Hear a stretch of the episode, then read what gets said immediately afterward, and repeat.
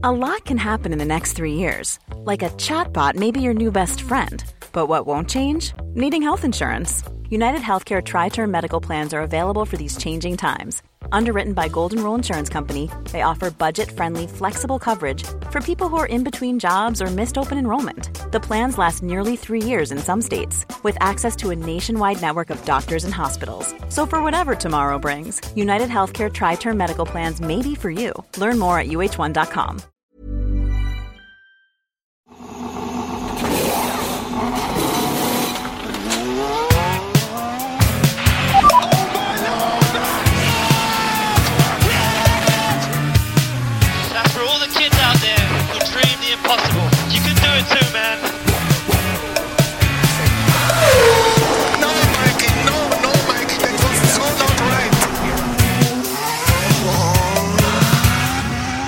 Claps and steering wheel.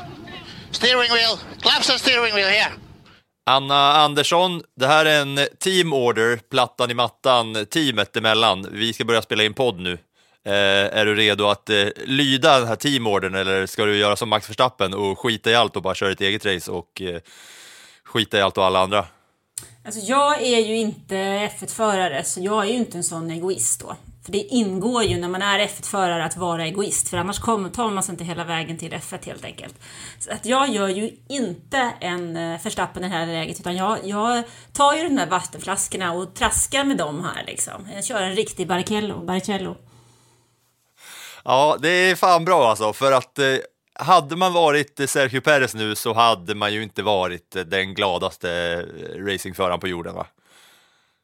Nej. Efter vad som hände i Brasilien där George Russell blir för det första den 113 Formel 1-föraren att vinna ett Grand Prix. Så han var ju glad och som vanligt grät väl eh, några tårar. Det gör han ju allt som oftast. Jag tror att jag har nämnt någon gång förut att han är väl nog den mest eh, tårbenägna föraren som vi någonsin sett. Eh, men han vinner, välförtjänt. Men Mercedes alltså då, som jag har sagt, under många veckor, snart är det deras tur. Mercedes tar sin första seger och efter att eh, de eh, vann sprinten så var det jäkligt skönt att slippa sitta här och försöka försvara att en sprintseger också är en seger. För nu vann de ju både sprinten och det stora racet. Och man tänker ju då att strålkastarljuset borde vara på Hamilton, Russell som är 1-2, Mercedes, hela teamet som har kämpat sig upp och tillbaka efter en tuff, tuff start på det här året, har gått nu mot repen på slutet och sett ut att gå mot sin första säsong på evigheter utan en enda GP-seger. Men det man pratar om är Max Verstappen och eh, Red Bull. Alltså jag, jag Ska men- du berätta varför för den som mot förmodan har missat? Ja, alltså först tänkte jag bara säga att vi har ju, jag tycker mig, om jag minns tillbaks här några, några månader så satt vi och pratade om det här, så herregud, Verstappen och Red Bull, de bara vinner och vinner och vinner och vi pratar aldrig om dem. Men nu känns det som det har blivit lite precis tvärtom när konkurrenterna har kommit närmare och närmare och det som gör att vi har den här diskussionen idag, det är ju det faktum att eh, Red Bull sa till Sergio Perez att flytta på sig så att Max Verstappen skulle få möjligheten att köra om Fernando Alonso. Men det var också med en tydlighet som man sa att klarar du inte det så släpper du tillbaks positionen till Perez. Som, och Perez jagar ju faktiskt plats två i märkesmästerskapet. Max fick informationen, tog den till sig, struntade fullständigt i den och körde i mål före Sergio Perez. Det var ju placeringar längre ner i fältet så egentligen var det av kosmetisk betydelse om man bortser då från det faktum att Perez jagar andra platsen i VM och han kämpar mot Charles Leclerc som kör för Ferrari. Plus att han ju har ställt upp som 17 för Verstappen under väldigt många år. Men Verstappen, helt sonika, får frågan Jaha, Max, vad var det som hände? Och svaret blir Ja, redan förra gången sa jag till er att fråga mig inte det där igen. Det är klart. Jag gav er anledningen och jag håller fast med den. Som en riktig snorunge. Ja, verkligen. Snorunge eh, säger du och småsint snorunge hade jag tänkt att eh, säga eller döpa det här avsnittet till. Det finns så många olika citat som man vill gå in på här med eh, all radiotrafik som, har, som skickades mellan det här. Men Perez, när Perez alltså får eh, meddelandet att eh, han ska släppa Verstappen eftersom att Verstappen har fräschare däck än Perez, för de vill ju utmana, eh, de vill ju utmana Alonso och Leclerc. För det de säger till Verstappen på radion är att de har gått igenom med Perez att du kommer få åka förbi och då säger de så här, okej okay, Max, go take some points off Leclerc and Alonso please. Och det är ju målet, och det är ju rimligt. För att eh, lyckas, skulle de lyckas putta ner eh, Leclerc och Alonso så, så är det ju poäng in the books för eh, Red Bull, så mindre poäng till Leclerc.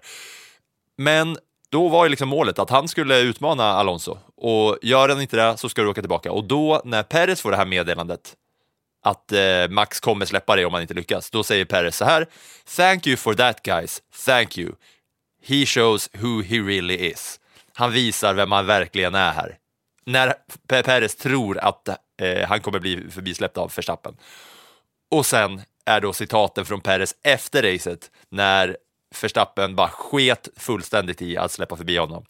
Så säger Perez, efter allt som jag har gjort för honom, och det är så jävla sant också, efter allt Perez har gjort för Verstappen, det är rätt mycket som han har kämpat för honom, eh, så är jag rätt besviken, för, om jag ska vara helt ärlig. Eh, jag var väldigt, väldigt förvånad över att eh, Max inte släppte förbi mig.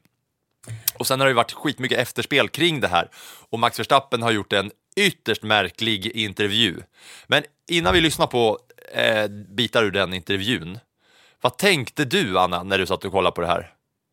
Tänkte du bara att han var snorunge eller fick du flashbacks till eh, något annat race som eh, kan liksom ha legat till grund för det här där Alltså det- Max vill sätta ett horn i sidan och vara lite vansinnig och så vidare? Det jag tänker på är ju Monacos eh, Grand Prix där eh, eh, Checo Perez kraschar i slutet av kvalet. Vi har en lite liknande situation där som vi hade här nu i Brasilien den här helgen där det är George Russell som kraschar. Eh, det blir röd flagg. Man kommer liksom inte ut igen. Eh, där i Monaco var det så att det var Perez som kraschade och det var så pass sent så det fanns liksom inget mer att kö- köra om. Men det gjorde ju också att bilarna som låg bakom honom inte hade chansen att eh, ta någon bättre placering. Så att per... Så bara, så bara det, det som var i Monaco var precis innan de åker in i tunneln efter Mm. den långsammaste passagen i, på hela F1-kalendern så eh, går Perez på gasen för tidigt, sladdar runt, går in i väggen när det bara är en minut kvar av Q3, när Perez redan hade pole Ja, och där, där... på Monaco som är omöjlig att köra om på. Så att, eh, att ha pole där är viktigaste platsen av alla F1-banor, ska sägas. Absolut, men där blir det ju så då att Perez eh, sätter sig ju själv i en situation, genom att krascha så sätter han sig ju själv i en perfekt situation. Eh, nu var det ju också då så att i, på den här banan i Brasilien så under kvalet så kraschade eh, George Russell, det vart röd flagg, sen var det dåligt väder vilket gjorde att man inte tog möjligheten att köra igen för man hade inte haft någon chans att komma fram till de tiderna som man hade innan. Så det som är lika är ju att det är någon som kraschar och sätter sig i en situation som man kan dra fördel av senare under helgen eller i racet. Och i Peres fall så har det spekulerats i om han gjorde det där med vilje. Vissa jämförde det med Michael Schumacher som också en gång parkerade bilen i Monacos GP, men han bestraffades för det. Eh, och fick inte alls behålla någon, någon pole position där. Så det jag kan tänka mig är ju att det handlar om Monacos GP, att Verstappen är sur och gnällig, eh, typ ett halvår senare när han redan har vunnit sin andra VM-titel och egentligen borde ha stoppat det där i skrivbordslådan, slängt nyckeln och sen tagit upp det i början av nästa säsong istället för att visa sitt fåniga missnöje för hela världen på ett sätt som får honom själv att framstå som eh, ja, en bortskämd snorunge. Ja, och det är så jävla fjantigt också, för alltså ett, det är, de är på sista varvet, det är några, det är några liksom kurvor kvar när han egentligen ska släppa Perez och han skiter i det. För att vara lite djävulens advokataktig så går det ju faktiskt att tänka att in the heat of the moment så kanske tävlingsnerven är eh, men liksom för, för stark. Ja, men, nej, men så, så här, jag, nej, nej, nej, jag ska gå hårdare på, på Verstappen eh, än vad, du, vad, du, vad det låter som.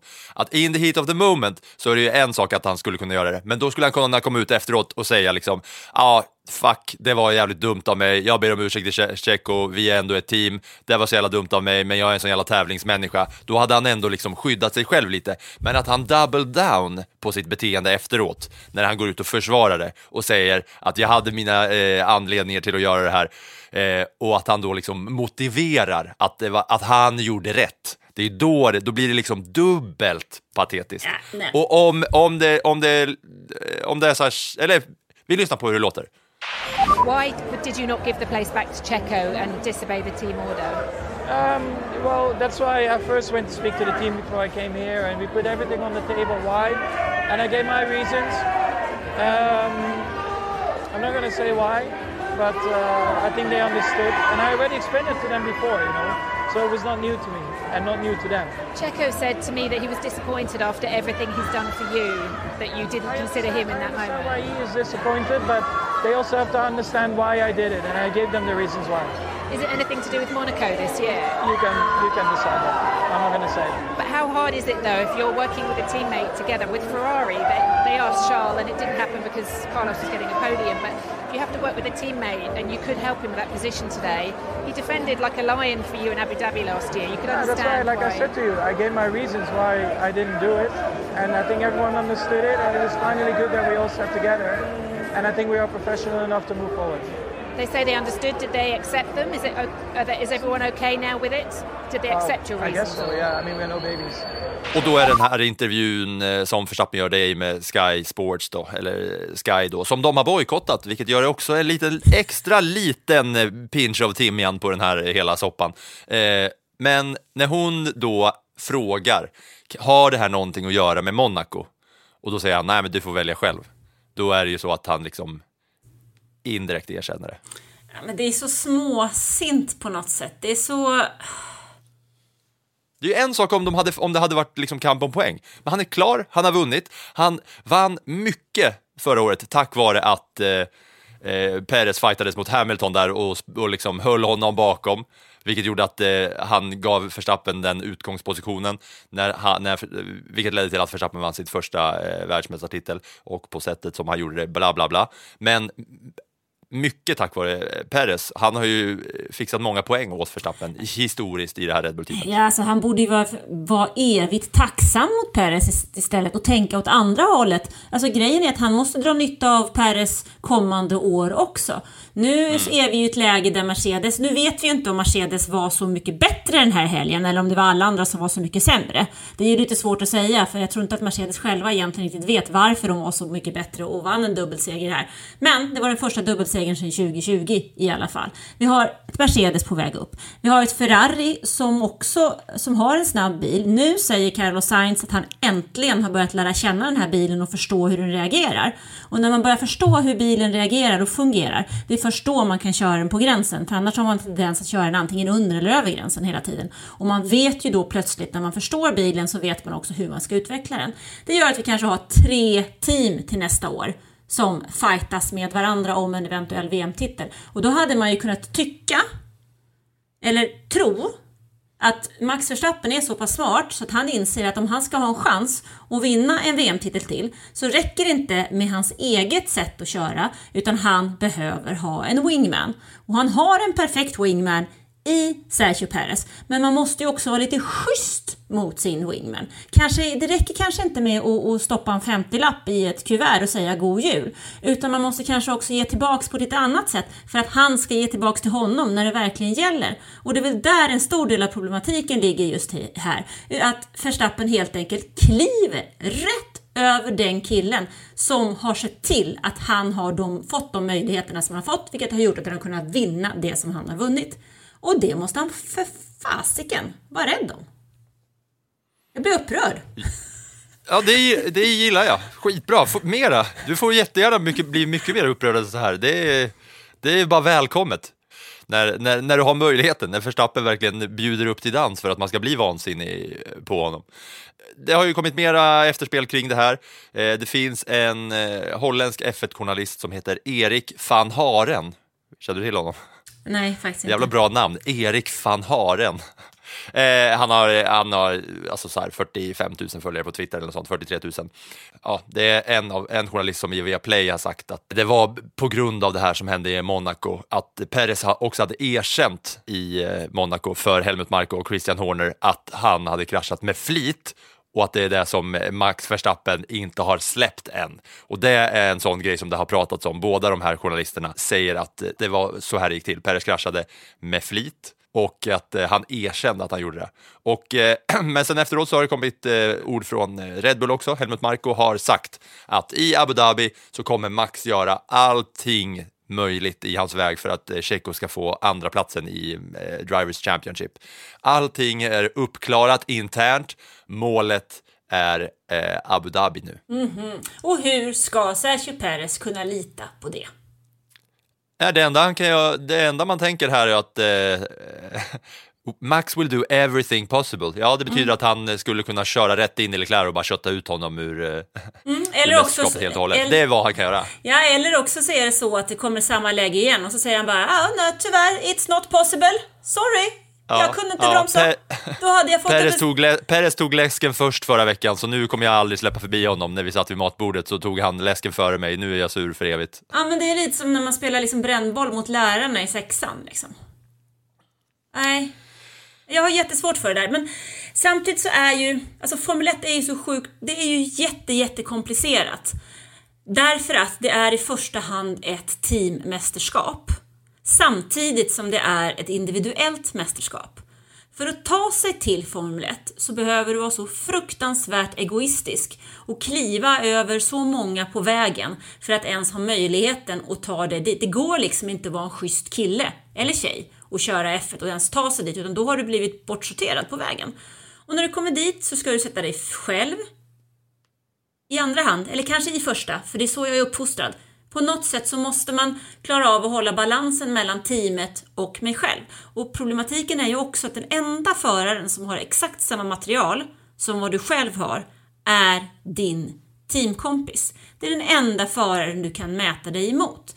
Vilket gör att den konkurrenssituationen är så fruktansvärt hård och så fruktansvärt tuff att det blir väldigt, väldigt svårt att hantera kombinationen av teamkörning och fighten mot den människa som du ska jobba så oerhört nära med under hela tiden. Och vi har ju sett mängder med exempel. Jag vet inte hur många gånger jag har satt rubriken Stjärnornas krig under mina 20 år inom Formel 1. Det är ganska många gånger. Så att, eh, det är ju inte de första, Verstappen och Sergio Perez är inte de första som, som fightas om det här. Och med tanke på Verstappen kom till F1 som 17-åring. Han är född till att bli racerförare. Hans mamma var duktig i go-kart, hans pappa har kört Formel 1, han är upplyft för att köra F1 sen han liksom slutar gå med blöjor. Vilket ju gör att han är ju upphöjd till skyn. Han kommer antagligen inte vara speciellt enkel att leva med för någon, för han är liksom king och kommer aldrig vara något annat. Så att eh, det är svårt att räkna med att en sån spelare ska bli lagspelare också. Han har väl aldrig behövt lära sig att dela någonting med någon, för det har alltid varit någon som sagt att men jag köper en ny till dig. Mm. Ja, och sen så känslan är också lite, alltså det är lite den här hybriskänslan, att jag är Max Verstappen, alla ska liksom bow under mig och bara eh, lyda. Alltså, det är lite den känslan man får också så här, att eh, nej men eh, nu har jag gjort så här och det är jag som bestämmer för jag är Max Verstappen. Ja men alltså ödmjukhet är en dygd. Men den där killen kan väl inte ens stava till ödmjukhet. Nej, så det kommer bli jävligt spännande att se hur det här nu kommer te sig under veckan som kommer inför Abu Dhabi på något sätt. Ja, jag tänker inte Eh, bara och hur kommunikationen blir i, nej. Utan jag tänker alltså även om du fortsätter förbi Abu Dhabi under vintern och in i nästa säsong. För att det är ju alltid så att de här loppen som vi har nu, de är ju jätte, jätteviktiga för nästa säsong. För det är de som sätter slutet av säsongen som går in i början av nästa. Allt vad man ska göra och det gäller ju inte bara teamet och arbetet med bilen utan det gäller ju också föraren. Eh, 2020 så vann ju Max Verstappen det sista racet i eh, Abu Dhabi och jag vet att jag skrev någon form av krönika där om det där, om vad det, den bety vilken betydelse det kommer ha av året efter. Vi såg samma sak 2015 när Nico Rosberg avslutade så himla bra och tog med sig den eh, prestationen, känslan, upplägget, ja men allting vad det innefattar in i följande säsong. Så det här är jätteviktigt. Det är så lätt att säga att ja, men det är avgjort, nu är det bara ett litet race kvar och sen så släpper vi det och går på nästa. Nej, så är det inte. Det kommer att gå med vidare. Vi som tittar kanske tänker att ja, men nu är det några lediga helger här framöver, då kan vi göra något annat.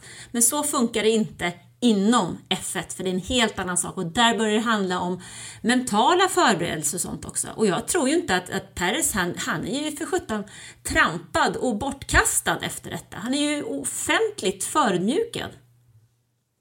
Ja, och han är ju också, ska man komma ihåg, trots att han är den mest uttalade andra föraren eh, i alla team, eh, han är ju också en vinnarskalle. Det är väl klart han är. Han är ju, han är ju inte bara en liksom som eh, ja, niger och sitter ner och, och, och, tackar och tar emot, liksom. utan han är ju en eh, vinnarskalle utan dess like som har tagit sig så här jävla långt. Han ju, måste ju vara vansinnig också. Väl... Han måste ju känna att jag vill bevisa allting nu. Han måste ju ha sån jävla revanschlusta och eh, vilja liksom skulle han få ges chansen att byta team för att kunna spöa Verstappen så borde det där vara en rimlig liksom, här, reaktion ur den eh, vinnarhjärnan. Ja, ja.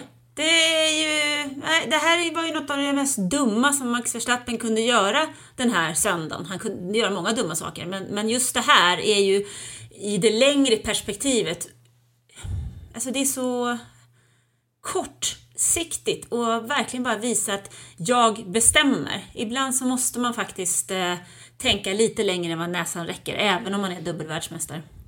Ja, det var ju inte det enda dumma han gjorde. Han eh, gjorde ju också så att han fick fem sekunders eh, tidstillägg när han eh, körde in i Hamilton i kurva två där i första, första lilla S-kurvan där. Eh, och det var lite flashbacks från eh, förra året när de fightades utav helvete de två. Så eh, det var ju ingen superhelg för, för Verstappen på något sätt va? Nej. Och så fick han två straffpoints på licensen för just den när han körde in i Hamilton också. Ja, nej, det kändes, det kändes som han inte riktigt var i balans den här helgen. Um, vilket jag kan tycka är lite märkligt egentligen. Men mm. det var någonting där som inte riktigt eh, stämde till 100%. Vad kan jag inte sätta fingret på. Men just det här... Alltså jag tänker, vi, ha, vi hade ju flera situationer den här helgen när man pratar om just det här med teamkörning och problematiken. Eh, samtidigt som vi hade problemen inom Red Bull så bad Ferrari och Charles Leclerc om också få en teamorder för att köra om Sainz. Han fick den inte för teamet ansåg att det var, inte var lämpligt i just det läget. Liten fin omskrivning. Eh. Sen hade vi också en, en eh, incident i Alpin mellan Fernando Alonso och Esteban Ocon som slutade med ett hål i en av bilarna och eh, hat på nätet Eh, där teamet gick ut eh, väldigt tydligt och talade om vad som gäller mellan de här två förarna och under söndagens GP när Alonso kom i en sju helskottas fart eh, och behövde köra om Ocon för att kunna avancera så var ju Alpin väldigt, väldigt tydliga över radion och talade om för Ocon att nu släpper du Alonso. Ja, men jag vill fightas med Vettel som ligger framför mig. Ja, det är mycket möjligt. Men släpp förbi Alonso. Sen kan du göra det. Ordagrant eh, så får Ocon den här meddelandet. Fernando har ett eh, däckövertag, så let him through nice and clean. Och då svarar Ocon. Let me race at the moment. I will once the situation settle. Och då säger engineeren tillbaka. Esteban, I don't want you fighting with Fernando. Is that understood? Det är liksom, där är det raka rör. Ja, men det kan man ju å andra sidan förstå efter den ja, incidenten på lördagen där mellan de ja. två i sprintracet. Men där var det en väldigt tydlig uppdelning och det ska vi veta att Alonso är ju inte förare som ska lämna teamet. Men alpin är så fruktansvärt beroende av att ta poäng och så mycket poäng som möjligt med båda bilarna för att behålla fjärdeplatsen i konstruktörsmästerskapet där de har en tight fight med McLaren. McLaren som nollade sina bilar den här helgen. Så att de behöver ju alla poäng de kan få. De har inte råd att ha några tuppfighter.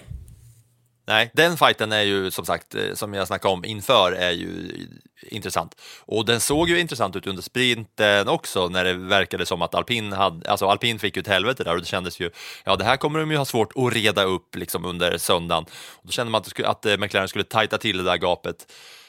Alpin är nu fyra på 167 och McLaren är femma på 148. Och Eh, vi ska hänga kvar pyttelite i de här bara interna teamfighterna, men när vi är inne på alpin där. Alonso kör alltså upp från 17. Han startar på 17 plats och tar in 12 platser eh, på det här racet. Det är ju, ja det är ju, han blir femma ja. Han blir femma, startar 17 och blir femma. Det är ju en jäkla uppkörning alltså. Det är väl det minsta man kan säga. Men det som jag funderar på efter den här helgen när man har gått nu och, och ja, tänkt tillbaka lite grann och man går och bearbetar saker i huvudet, vilket händer eh, när man har jobbat en helg, så funderar jag bara också då till nästa år. Till alpin kommer Ocon. Men, Och Pierre Gasly, Pierre som Gasly. hatar varandra typ. Ja, precis. De, Sägs det. Ja, men de två har ju tävlat mot varandra. De är fransmän båda två och tävlat mot varandra sedan de var fyra. Normalt sett så är det ju inte två stycken landsmän ur samma generation som tar sig till F1. Det finns ett par exempel. Vi kan säga Lewis Hamilton och Nico Rosberg, de var ju bästa polare som 13-åringar och tog sig till F1 och det slutade med ett jättestallkrig. Därför är jag lite, lite orolig för alpin och för hur de har tänkt sig till nästa år. Och så Och särskilt när eh, Ocon har visat prov på att inte vara liksom bara så här lyda. Att han är lite jävlig. Ja, ja, precis. Och sen så tänker jag det franska temperamentet där på de två ihop. Det där kan bli riktigt, riktigt jobbigt att hålla ihop. Och vart tar Alonso vägen då? Jo, han går till Aston Martin. Han ska bli stallkompis med Lance Stroll, vars pappa äger det teamet. Och Alonso kan ju vara en tjurgubbe utan dess like, det vet vi ju också. Titta bara på McLaren när de körde där 2007 och eh, slarvade bort en VM-titel han och Lewis Hamilton i sin interna fight. Och Alonso som dubbel världsmästare fick se sig slagen av en debutant och betedde sig som en riktig, jag vet inte, även snorunge han också, snorvalp till och med. Så att det, den konflikten känns ju som att det har ju en potential att bli en av det kommande årets absolut största konflikter. Därför att Fettel som har suttit intill Lance Stroll, han är ju en lite mer god gubbe som bryr sig om bilen och tycker om att meka och se till att folk runt omkring mår bra. Jag tror inte att Alonso lägger sig jättemycket tid på att fundera över om Lance Stroll mår bra. Nej, och just det här interna teamfighterna var, kändes som att det var lite temat på den här helgen. Alltså vi ska ju vi ska säga att racet var ju levande och eh, kul och fartigt och flängigt i början.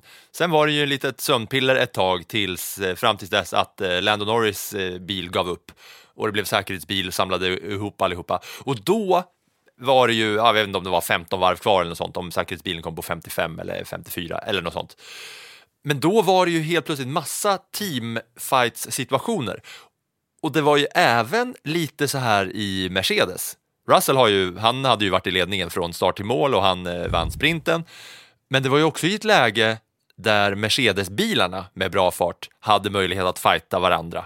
Och då var det ju lite puls eh, rent där också, när de eh, går ut då efter säkerhetsbilen, när de kommer ut som, som 1-2.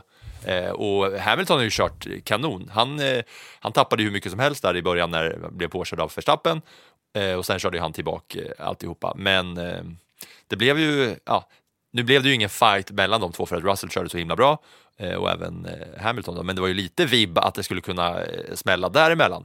Och sen som du nämnde där i Ferrari när Leclerc på radion bara bönar och ber, lite så här försöker ha de här lite katten i, i Shrek-ögonen med med hatten i, hatten i handen och tittar upp med de här fina kattögonen. Please, please let me pass, please think about the championship, please guys let me pass, please, please. Och det sket ju de i fullständigt eh, när, när Leclerc, Leclerc ville köra om Sainz. Då sa de it's too risky liksom. Eh, och, och det här kommer ju bli intressant inför nästa säsong också. För eh, det vi sa i i Red Bull är ju att Perez är ju så himla uttalad andra förare, men så är det ju inte i Ferrari när det är nollställt nästa säsong. Nu är det ju lite mer eh, förmodligen då prio på Leclerc eftersom att eh, den, eh, han fightar som andra platsen i totalen. Men den fighten kommer vara nollställd nästa år. De har ju samma förutsättningar och lika stora möjligheter att tidigt koppla grepp om sin teamkollega.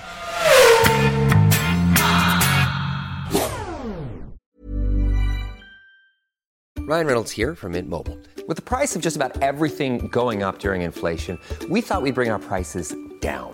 So to help us, we brought in a reverse auctioneer, which is apparently a thing. Mint Mobile unlimited premium wireless. Ready to get 30, 30, bit to get 30, bit to get 20, 20, 20, bit to get 20, 20, bit to get 15, 15, 15, 15 just 15 bucks a month. So, Give it a try at mintmobile.com slash switch. $45 upfront for three months plus taxes and fees. Promo rate for new customers for limited time. Unlimited more than 40 gigabytes per month. Slows. Full terms at mintmobile.com.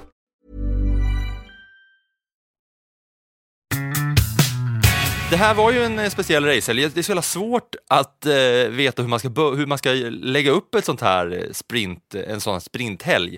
För att när kvalet är så känns ju kvalet superintressant. Det är ju tre omgångar liksom. Det är ju, det är ju tre höjdpunkter. Sprinten är ju också, skulle ju kunna ha en egen podd eftersom att det delas ju ut eh, poäng till de åtta bästa där och sen är det racet. Nu började vi med efterspelet här, men eh, om vi bara går tillbaks då eh, för att summera hela helgen så var det ju ett jätte jätteroligt kval som slutade med att Kevin Magnussen i Haas tog sin första pole position genom alla tider någonsin och blir så satans eh, glad och med all rätt. Och Danmark eh, blir den 24 nationen med en förare som har fått pole position någonsin. Så då var man ju så himla glad för Kevin Magnussen. Och då eh, var det ju, han landade ju där som du var inne på, på grund av att Russell är klar som trea. Han kraschar ut sig vilket gör att det blir röd flagg och så kommer det mer regn vilket gör att ingen kan sätta någon snabbare tid. Jag tycker det var lite klantigt av Russell där som, som eh, sladdade ut och sen eh, gick på gasen för tidigt som gjorde att han snurrade runt och sen borrade ner sig i sandfållan. Men det ledde ju till att Magnusen eh, fick då pole position. Jag- Och sen, eh, ja förlåt. Jag satt och funderade där i samband med kvalet om man, man ska ha en annan typ av reglemente till kvalet och gå lite mer mot hur det är i Indycar. Att, att eh, orsakar du en röd flagg så blir dina bästa tider strukna. Eh, för att ibland så upplever jag, nu var vi inne här och pratade tidigare om eh, eh, Sergio Perez i Monaco. Det var ju lika som ändå tog pole och vi pratade här om, om Russell som nu fick starta sprintracet från plats tre fast han ställde till problem för många andra. Nu tyckte vi visserligen att det var roligt då med Kevin Magnussen i en pole position även om vi alla när vi stängde av tvn eller gick och la oss i fredags insåg att han kommer ju inte behålla den där placeringen. Han ska nog vara glad om han ens tar någon liten poäng i det där sprintracet för att så pass fel är det men det var en kul dansk dynamitskräll liksom. Ehm, men så jag sitter och funderar lite grann över om man kanske skulle haft en sån variant Jag behöver inte fundera, jag, där du, det är du inne på, jag tycker ju att absolut att man ska ha det. Just av anledningen att om man då som, om vi säger liksom eh, Perez i Monaco till exempel. Perez eh, sätter snabbaste tid och det är inte så lång tid kvar. Då kan ju han, alltså, ja, ett, fejka en krasch, men framförallt så kan man ju försöka ligga på lite extra och ligga lite, lite, lite över gränsen om man ändå har bangat in snabbaste tid av alla. Då kan man, då kan man ligga lite över gränsen för att riskera en krasch, det är inte så farligt för att det får inga konsekvenser då. Det enda det får är att det kan bli röd flagg, liksom, att man inte får någon ny chans. Men om man är som, som etta där, eller till exempel som Russell, han var klar eh, som trea, då kan han satsa ännu mer för att komma etta och kraschar han ut sig, det spelar inte någon roll för honom för att då, då avbryts ju racet. Så jag tycker absolut att eh, i ett sånt läge så ska man nollställa den, den eh, personen då som orsakade eh, Yes. kvalet inte kunde återupptas. Yes, man har ju inte haft det reglementet i F1 och F1 har ju mycket till, alltså det är mycket historia och mycket som ska med i varje övervägande. Men jag är nog inne lite på samma spår som du, för jag tycker nog att eh, det, det är inte helt rätt och framförallt, framförallt om det nu är så att Sergio Perez kraschade medvetet. Börjar vi få in den typen av icke gentlemannamässiga ageranden i kvalet så behöver man sätta till en, eh, ett, ett regelverk som är så pass tydligt. För att krascha medvetet, nej, det går fet bort. Ja, det håller jag verkligen med om. Nej, men jag tycker att eh, det skulle kunna vara ett, eh, ett rimligt eh, steg i utvecklingen av, eh, av F1. De, de eh, är ju inte rädda för att ta lite drastiska beslut med, med saker och ting, särskilt nu när de har fått in den här nya publiken för att det ska bli en mycket bättre tv-sport och så vidare. Men annars så var det ju ett jäkligt roligt kval. I Q1 så såg det faktiskt ut så här att med 1.50 kvar av Q1 så var Latifi etta med 1,50 kvar alltså, just på grund av att det var det här att banan, banan torkade upp och det var, det var svårt för att det hängde regn i luften och, och det var lite sådär. Ferrari höll ju på att klanta ut sig i Q1 också, det var ju nära att de inte ens gick vidare därifrån. Mm. Och sen i Q3 så, eh, så skeppar, de, skeppar Ferrari ut Leclerc på intermediates eh, medan alla andra, medan alla andra står på vanliga däck. Så han tvingas ju in efter två varv och, och det är ju superklantigt. Det är ju återigen så här, för då tänker man ju, alla bilar är ute på slicks och så står, står Leclerc ensam. Alltså jag... på, på intermediate. Så det var ju så här, vad fan håller de på med? Ja men det undrar ju han också. Men ibland så bara känner jag att kan, kan det vara läge för Ferrari att genomföra någon form av sån här högpresterande analys, eh, någon slags ledarskapsutbildning för att man ska klara av att prestera på topp. För deras problem har ju antagligen inte att göra med kunskapen kring bilen, utan det är så mycket annat som icke stämmer i det där teamet och de måste ju få ordning på varje millimeter av det om de ska ha någon chans till nästa år. Annars kommer vi sitta här och skaka på huvudet åt dem i en säsong till. Och det är väl inte riktigt där som Ferrari vill vara egentligen. Nej, det känns som att det är så många kortslutningar i olika hjärnor i Ferraris eh, mekaniska ledning. Att det är, så, det är så många som bara här, inte klarar att leverera under press. Så de borde ju, så, precis som du säger, de borde ju köra någon slags kniven mot strupe, pistol mot tinningen-träning under, eh, under vinteruppehållet här för att lära sig prestera när det gäller som mest. För att det är ju gång på gång, eh, som sagt. Ja, men det känns som en sån här gammal eh, central som man hade eh, när internet var ganska nytt, när det var lampor som var pek pep liksom. Och så drog man ur kontakten på en så släcktes det hälften och så, så på en till och här får du kortslutning på alla. Jag vet inte riktigt vad. Det, det, är lite skrämmande egentligen hur det kan vara så klantigt och hur den där oturen, eller vad det nu är, kan följa med så länge. Men du, en annan ja, sak jag tänkte klassiska på. Klassiska ADSL-modemet som du snackar om där.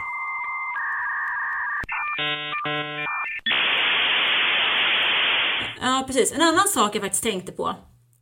Eh, det var när vi avslutade det där kvalet och hade en has i topp och en i botten. Hur ofta är det det på ett kval? På mm. ren körning. Och det, ja, och det som hände sen då blev ju också så intressant för att eh, Kevin Magnussen kom etta och Schumacher kom sist.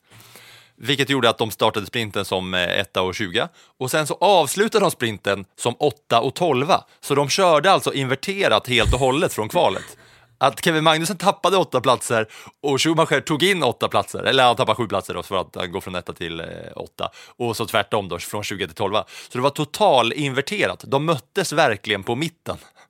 Det så det var så jävla snyggt. Ja, nej, men eh, Magnusen tappade och lika många körde Schumacher upp, så, eh, ja, så de är, de är jämna där. Mm. Sprinten är väl inte skitmycket mer att snacka om. Stroll visade sig återigen vara en idiot eh, och eh, åkte på en rejäl bestraffning när han eh, prejade folk av banan till höger och vänster. Den här gången var det teamkollegan Vettel som det skulle kunna slutat så in i helvete illa. Och Stroll visar ju återigen att eh, ja, han är ju vidrigare än många av de andra. Men du, eh, ja? Fettels reaktion där Tycker jag okay. är helt fantastiskt. Okej. Okay. Tror du Max, Max Verstappen ja. hade sagt så? nej, han hade väl börjat grina och krävt att de skulle sparka, sparka teamkollegan och hela faderullan. Eh, nej, det var en jävla högklassig reaktion av Vettel som var nästan utprejad rätt in i betongen. Liksom. Okej. Okay. Ja, det var, det var ju otroligt. Ja, och sen eh, ja, efter sprinten då så som sagt, eh, Kevin Magnussen blir åtta efter att ha fått starta på pole och så börjar racet och han blir påkörd av Daniel Ricciardo. Det är så synd om stackars Kevin Magnussen. Vad fan liksom. Det hade varit en sån superhelg och så får han inte köra mer än ett varv. Nej, men vad? I sitt hundrade race dessutom. Ja men det där med jubileum, det brukar ju, det brukar ju sällan vara så att det är speciellt eh, lyckosamt. Eh, jag får mig att den före detta förbundskaptenen i handboll, Bengt Johansson, han ville alltid ställa över en spelare som eh, hade jubileum för han sa att han visste att då hade de liksom hål i händerna. Eh, så att jag tänker väl att det hundrade racet, ja, hm, det är ofta det är sådär. Men jag tänker väl mer alltså Daniel Ricciardo, vad i... Jag blir ju så trött. Vad gör han med sin varumärke? Ja, det var ju båda de här, eh, båda McLaren-bilarna den här helgen. Det kändes ju som att båda ville ju att det skulle ta slut. Först var det ju eh, att ja, Ricardo med den historien har den här säsongen, man vet att han inte ska köra vidare nästa år och det är så få race kvar och han vill ju bara att det här ska vara över och så att han kan få eh, liksom stänga det här kapitlet och, och gå vidare. Så det kändes ju, det känns ju lite som att han skiter, han skiter i det. Så man var ju lite så här, ja det var ju skönt för honom att slippa köra ett helt race 71 varv. Och så var det Lando Norris som hade varit sjuk hela helgen, men som kämpade på ändå. Det hade varit magsjuk, jag vet inte exakt vad, eh, vad de har sagt om honom, men, men det som har kommit ut är att han, han har varken kunnat käka eller göra, liksom, knappt dricka någonting, magsjuk, men ändå kört igenom. Och det var ju till och med så att inför, jag vet inte om det var inför sprinten eller inför kvalet, då de till och med hade gjort en stol åt nykter fris för att köra eh, McLaren-bilen. De hade eh, måttat ut den för honom för att han, han var liksom redo att hoppa, steppa in och köra istället för Norris. Men eh, Norris körde ändå, men jag kände mig nästan glad när eh, Norris McLaren gav upp att han skulle liksom få hoppa ut och vila lite med, med tanke på den sjukdomen att han hade kämpat sig igenom den här jävla helgen. Mm. Mm. Ja, men det kan jag väl eh, hålla med om. Det är lite tråkigt bara att det blev så stor skillnad mellan alpin och McLaren den här helgen. För det är ju en av de fighterna som jag faktiskt ser fram emot till finalen. Ja, eh, ja men det, det, det, lever ju i alla fall. Eh, det lever dock inte i totalen eh, mellan eh, Norris och Ocon. Jag tror att Norris redan har säkrat platsen som P7. Han kan inte bli omkörd av eh, Ocon på den platsen i totalen. Men eh, Alonso nämnde vi, tar 12 platser. Är han eh, din driver of the day eller? Eller ja, det ska vi få reda på i plussen då, så jag, du behöver inte svara på den frågan. Jag säger väl själv, han är väl kanske min driver of the day. Lite i kamp med eh, Leclerc som också eh, körde upp sig jävligt bra efter att ha blivit också påkörd i början, men körde sig tillbaka. Jävla massa eh, platser upp där. Men eh, vill vi säga något mer om eh, George Russell eller vill du prata om Russell när du ska ge honom 5 plus sen då kanske, gissar jag på? Hehe, ho, ho, ho. jag kan prata om Russell sen eller nu, det beror på hur mycket, hur mycket ja, tid du har på den Nej, då får du, du får prata om han eh, sen. Jag har bara sett en bild som åker omkring på eh, sociala medier när Russell är en liten, liten pojke som står och tittar på Lewis Hamilton eh, när Lewis Hamilton står i den här klassiska vita racingdräkten med Vodafone på, på bröstet och så står Russell där bakom och en liten, liten pöjk medan Hamilton är en stor F1-förare och nu har, har alltså Russell spöat Hamilton i eh, ett Grand Prix. Men du, och det tycker jag ändå, to- ögonen tåras upp lite grann alla George Russell. Men du ser väl den här lilla fina skylten som står bakom Russell där fram? Det står Stars of Tomorrow. Ja, den är, den är cool den där bilden alltså och eh, det är ju fint att eh, det känns som ett bevis på att the dreams really do come true. Men sen var det en annan liten grej som jag ville lyfta ett finger från det här racet och det är den här tear-off eh, plasten. Mm, den som För att, eh, vi fick ju se, Ja, exakt. Vi fick ju se Sainz eh, gå in eh, i ett förhastat stopp där, eller ja, för tidigt stopp för att eh, de var tvungna. Och då är det den här plasten som vi har pratat om tidigare, eh, när det har snackats om jag, vet inte, vi, eh, jag kommer inte ihåg om det var i Belgien eller vart fasen det nu var, där man pratade om att Verstappen hade slitit av sin, den här eh, plastbiten som man har på, på masken, släppt den bakom, den hade fastnat i Leclercs bil. Det visade sig inte vara så i slutändan efter en jäkla massa analyser av olika eh, förarkameror. Men det är något som kan hända. Att förarna har olika plastnivåer på, sin, på sitt visir då, för att det blir repigt och det blir flugigt och det blir massa sådana grejer. Så att de tar bort den där och så släpper de den bakåt lite som eh, att släppa bananskal i Mario Kart. Ja, jag höll ju på att säga också att det, är ju ett håll, det är ju inget hållbart tänk att man sitter och sprider ut plast över hela banan. Där borde man ju ha sådana fall, får man väl göra som en annan gör, ha en liten soppåse i bilen som man stoppar den i. Nej, men skämt åsido, någonting måste göras. Det är inte vettigt. Det skapar problem för andra bilar plus att det är ju inte överhuvudtaget hållbart att sitta och slita av plastvisir och kasta med vinden. Liksom. Nej, eh, och det här var ju liksom, det var ju förödande om man tänker på det, att hade inte Sainz tvingats göra det där, han kom ju ändå bra till i, i slutändan, men utan det där depåstoppet så hade det kan, kunnat varit en väldigt annan utgång. Men det som händer är att Sainz får den här plastbiten då som någon har slitit av från sitt visir, släppt bakåt, som precis som man gör i Mario Kart när man sular bananer. Så åker den där och fastnar i hans eh, bromsar på höger bak. Så när han går in då för att byta det där och att den där ska liksom brinna av så, så ryker det uta utav satan på, på hans bil där. Och det jag tänker är ju så här. Varför släpper de den bakåt? Alltså varför måste de släppa den utanför bilen? Det är väl bara att trycka ner den mellan benen.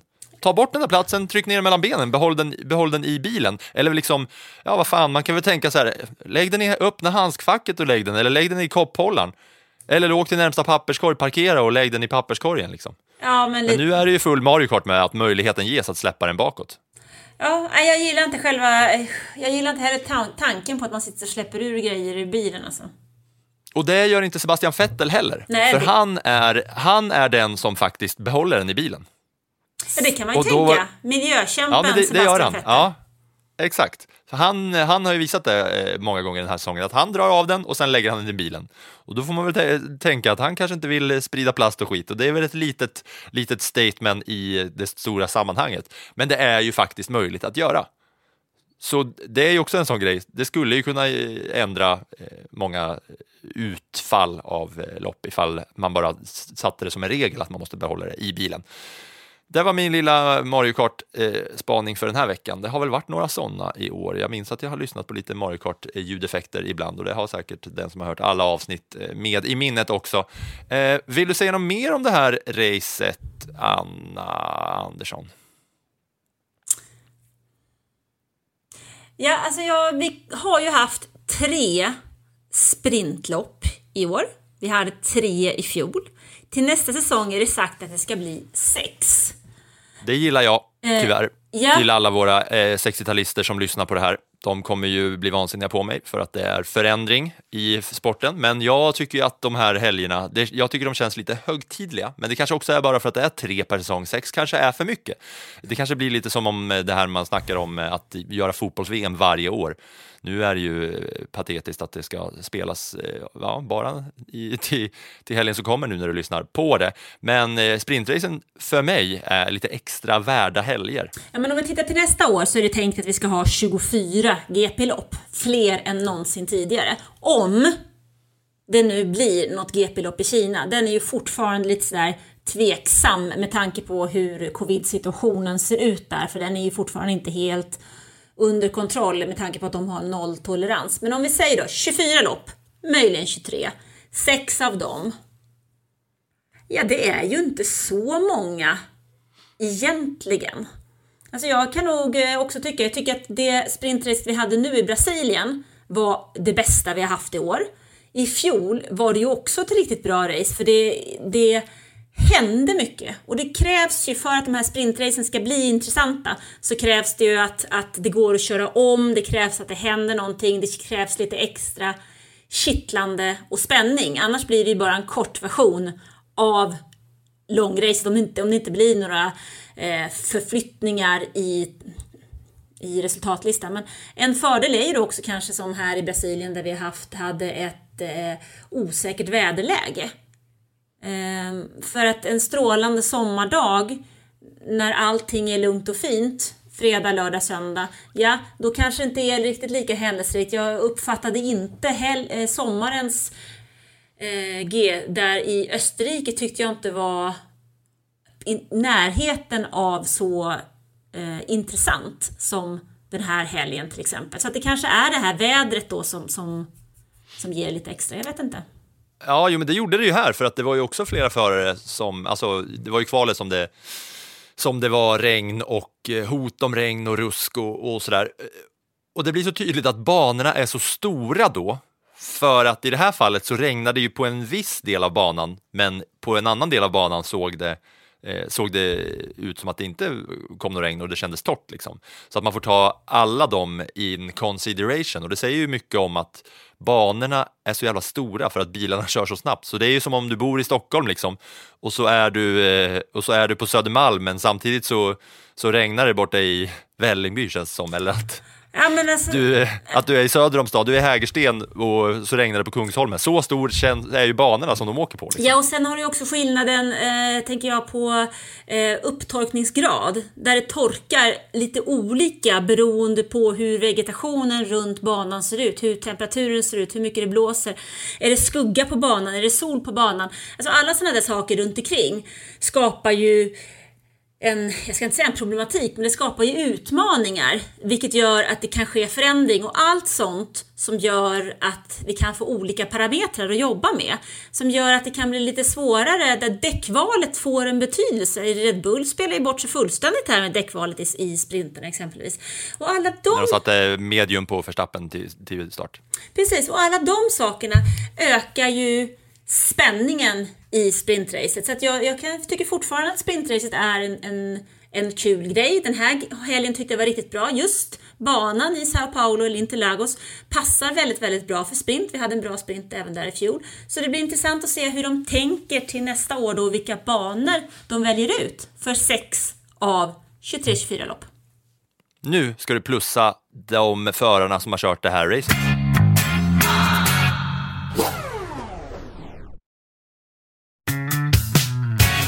Jag vill höra vem som får 1, 2, 3, 4 plus och vem som får motorstopp och varför det är Max Verstappen. Det är ju för att han inte ställer upp för sin kompis. För jösse namn Max Verstappen, man får faktiskt betala tillbaka. Man kan inte bara ta, ta, ta, ta. Man måste också ge. Och jag tycker liksom att nej, han visar, med det, på det sättet som han agerar så visar han hur lite han uppskattar Sergio Perez. Och det gillar inte jag. Det hade varit kul att se om det här hade hänt i Mexiko. Ifall det hade varit samma läge. Ja, då hade de nog inte eh, buat mot eh, Lewis Hamilton i alla fall. Nej. Eh, ja, men sen efter motorstoppet så har vi hela skalan 1, 2, 3, 4, 5 plus. Yes! 1 plus McLaren. Alltså magsjuka på Norris och felbedömning av Ricciardo i söndags GP. Det gör ju där vi sen då har Norris som bryter med tillförlitlighetsproblem. 0 poäng. 19 efter alpin då i kampen om plats 4 i märkes-VM. Vilket gör att det måste nästan bli utklassning i Abu Dhabi. Ja, och hur ska de lyckas med det när Ricciardo inte ens är intresserad? Ja. Eh, 2 plus, godkänt tycker jag ändå att Lewis Hamilton får den här helgen. Eh, det är ju lite tight med plussen där, uppe. Jag kände den här veckan skulle jag kunna säga, sätta väldigt många plus på väldigt många. Men han får i alla fall Ja. godkänt. Eh, och han har ju, ser ju faktiskt ut att i år för första gången avsluta en VM-säsong utan att ha en enda seger. Han har vunnit minst ett lopp varje år sedan 2007 och det är faktiskt sjukt imponerande. Eh, och nu har han tre raka andra platser. USA, Mexiko, Brasilien. 3 plus går till Kevin för att han får 5 plus för det där kvalet, för den danska dynamiten, för glädjen i min telefon av mina danska vänner som for runt eh, av lycka över en pole position. Även om de visste vad det skulle innebära så tycker jag ändå att det var lite charmigt. Och det är också som är det lite det fina med sprintarna. Att, eh, att det har ju ändå betydelse. För det är ju en, en liksom en pole position i en sprint för ett litet team som Haas är ju det ger ju dem större chans till en bättre eh, liksom finish än i det långa racet eftersom att det ska köras så kort. Ja, och sen De har olika typer av betydelse, jag gillar det. Ja, och sen så tycker jag, alltså var det inte första gången nu sen typ 1975 som ett amerikanskt team tog pole position? Det tycker jag också var lite kul. Ja, Ehm, sen då, 4 plus går till Fernando Alonso och hans fantastiska uppkörning. Den tycker jag var grym när han slutade femma. Ehm, sen kanske det inte var lika grymt deras diskussion och deras problematik under sprinten, men just nu så har jag glömt bort det.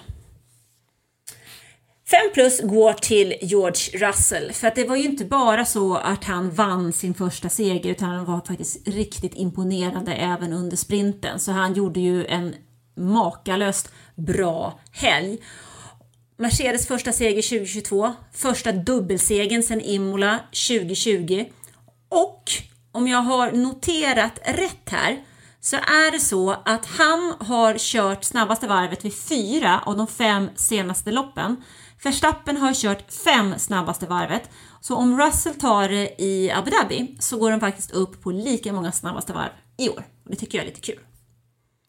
Och dessutom 5 plus till Filip Lindfors som stod på sig om Mercedes att de faktiskt skulle ta en seger den här säsongen. Så lite fingerspitzgefühl ändå, va? Både uttalsmässigt 5 plus på fingerspitzgefühl och eh, tip, faktiska tipset, va? Vad var det vi sa? Ödmjukhet är en dygd. Den, eh, jag knyter näven dubbelt i alla fall för att eh, det blev till slut en eh, Mercedes-seger. Nu blickar vi framåt.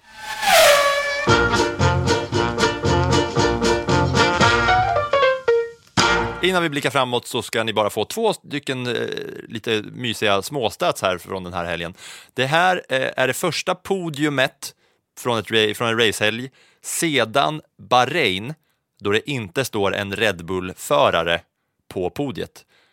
Då var det Leclerc, Sainz, Hamilton i Bahrain, första racet för säsongen. Och nu har det alltså gått hela säsongen. Det tog så här lång tid innan, innan vi fick se ett podium utan en Red Bull-förare. Vad säger du om det, Anna? Det är, ändå, eh, det är ändå tillförlitlighet av Red Bull på något sätt. Ja, man kan väl vända på det ordet hur mycket man vill va? Ja, och sen var det dessutom första gången genom alla tider som eh, God Save the King, Storbritanniens nya nationalsång, spelades på ett podium. För att eh, första gången som en brittisk förare vann var 1953, franska GP. Han hette Mike Hawthorne. Men då var ju Queen Elizabeth den andra uppe i liksom eh, ja, i sitt re- regentskap eh, på något sätt. Så då var det God Save the Queen som spelades. Eh, och eh, ja, nu var det God Save the King. Det är ändå det som är mest imponerande, det är ju hur länge drottning Elizabeth faktiskt satt på tronen. Och eh, efter de där små orden så blickar vi fram mot framtiden, va? Anna, eller? Ja, vi kan väl titta fram emot onsdag. Idag är det måndag när vi spelar in detta. Onsdag sägs det att Haas kommer att presentera Nico Hülkenberg som ny förare istället för Mick Schumacher. Och det börjar ju med att eh, tyska tidningen Bild rapporterar det här, att det är nu helt klart att det är så det kommer bli, att de kommer få, en, eh, få ett pressmeddelande från Haas på onsdag och samma eh, källor har confirmat från tyska Sport 1. Nej, de alltså- heter ju Sport Nej! 1. Åh, Sport 1! Sport Förlåt mig. Ja, nej, jag, jag, jag håller upp mina händer och ber om ursäkt. Eh, det, det är i alla fall, eh, nu känns det som att det är klart va? Det, det här eh, behöver vi inte ifrågasätta va? Nej, alltså jag har... Eh, det är för mycket indicier på olika håll. Plus att Bildzeitung eh, har ju ett ganska dåligt rykte för, eh, på många håll och kanter. Men de är väldigt, väldigt duktiga på Formel 1. De brukar ha rätt. Så att eh, det känns väl som att det är det och det känns som att Mick Schumacher redan är informerad. Det som jag tycker är lite mer spännande då är väl kanske var han tar vägen. Och jag blir ju inte förvånad om Mercedes och Toto Wolf brer ut sina vingar och säger till Michael Schumachers son att eh, kom du och var reservförare hos oss under en säsong så får vi se vad vi kan göra sen. För så pass viktig är Mick Schumacher och hans namn för Tyskland. Jag tror att man där ser att eh, han kanske inte har fått det stödet som han hade behövt hos Haas.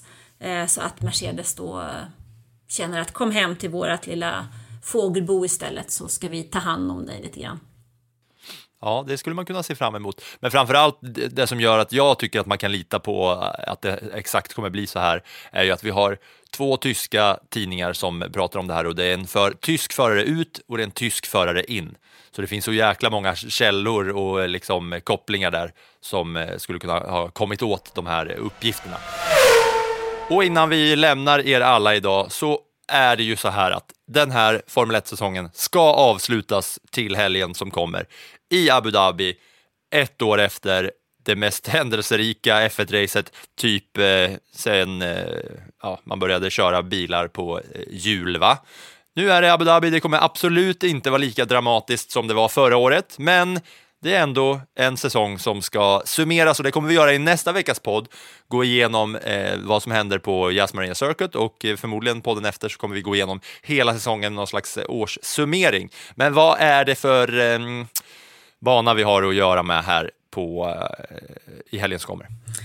Det är ju en 5,2 kilometer lång bana, 58 varv och det som vi oftast minns är ju det här fantastiska fyrverkeriet som avslutar F1-säsongen. Det är på något sätt det som man tänker på när man eh, ser eh, Jazz Marina Circuit framför sig. Den svarta himlen och så jättefyrverkeriet och en massa donuts. Ehm, den där banan har funnits med sedan 2009. Ehm, Hamilton körde för McLaren då och hade pole. Men det var Vettel som vann. Ehm, 2009 ja. Men du, då är det ju samma sak igen. Precis det vi pratade om innan. Vettel vann sista loppet 2009, världsmästare 2010. Det där sista loppet på Yas Marina Circuit, mm, mm, mm, mm. Det ger oss Just en det. liten fingervisning av nästa, nästa kommande säsong. Alltså man ska icke förglömma det, därför är det viktigt att se det. Eh, annars då, ja, åtta segrar från pole position, seger från lägsta startposition. Ja, Kimi Räikkönen 2012 när han vann från startposition 4, men han vann ingen VM-titel 2013. Det minns vi också. Eh, I fjol, Verstappen vann från pole position. Mer om det racet behöver vi kanske inte snacka för det är väl det mest eh, uppsnackade, omsnackade, omtalade och omdiskuterade F1-racet de senaste, det senaste decenniet ändå. Vi ska också skänka en tanke till vår vän Nicolas Latifi för att det faktiskt blev så. Det ska man inte förglömma. Man, det tenderar att fokusera väldigt mycket på de där i toppen, men vi, eh, liksom, avgörande faktorn var ändå Nicolas Latifi förra året, det får vi inte glömma. Hamilton har fem segrar i Abu Dhabi, fem pole positions, men det är Verstappen som har vunnit de två senaste åren, både 2020 och 2021. Eh, finns det några fighter vi ska ha koll på, Filip? Mm, det ska vi verkligen eh, göra. Eh, McLaren behöver ett mirakel. De har 148 poäng och eh, har eh, upp till alpin på fjärde plats som har 167. Men det är ju så att eh, det kan hända en hel del därunder. Williams är ju tvärsist såklart, men Alfa Tauri kan, eh, om de plockar två poäng mer än Haas, ta sig förbi Haas. Och då ska vi komma ihåg att en placering är alltså 100 miljoner kronor i värde i konstruktörsmästerskapet. Så eh, om Alfa Tauri då, eller om Haas då håller undan genom att ta, eh, ta fler poäng än Alfa Tauri så är det viktigt för dem. Aston Martin har fem poäng upp till Alfa Romeo som ändå såg heta ut den här helgen. Bottas körde bra och fint. Eh, men ja, det behövs eh, mer än fem poäng för Aston Martin. Eh, och sen så är det ju faktiskt så att rent teoretiskt så kan Mercedes ta sig förbi Ferrari genom ett haveri, eh, en haverihelg för Ferrari och en fin helg för Mercedes. Det skiljer 19 poäng mellan de två. Det är lika många poäng då som mellan eh, alpin och McLaren. Det är också 19. Ja, eh, det, det kan ju faktiskt eh, ske.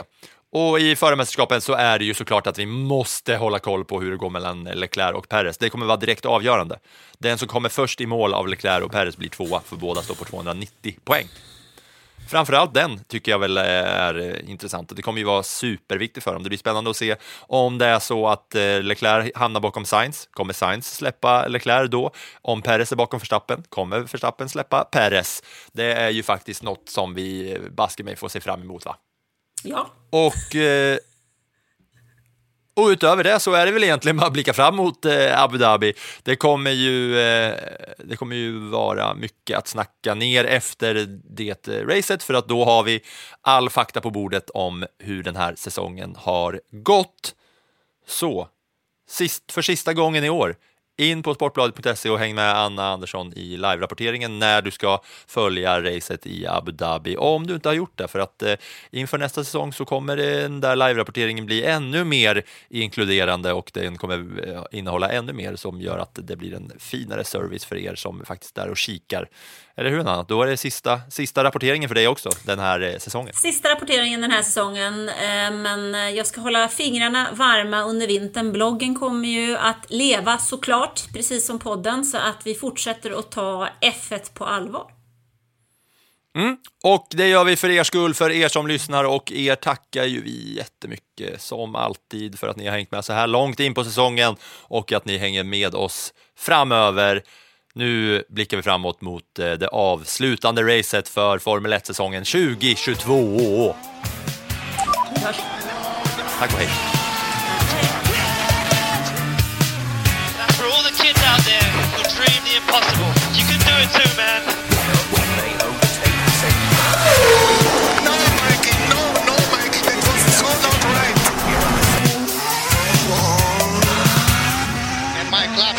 steering wheel.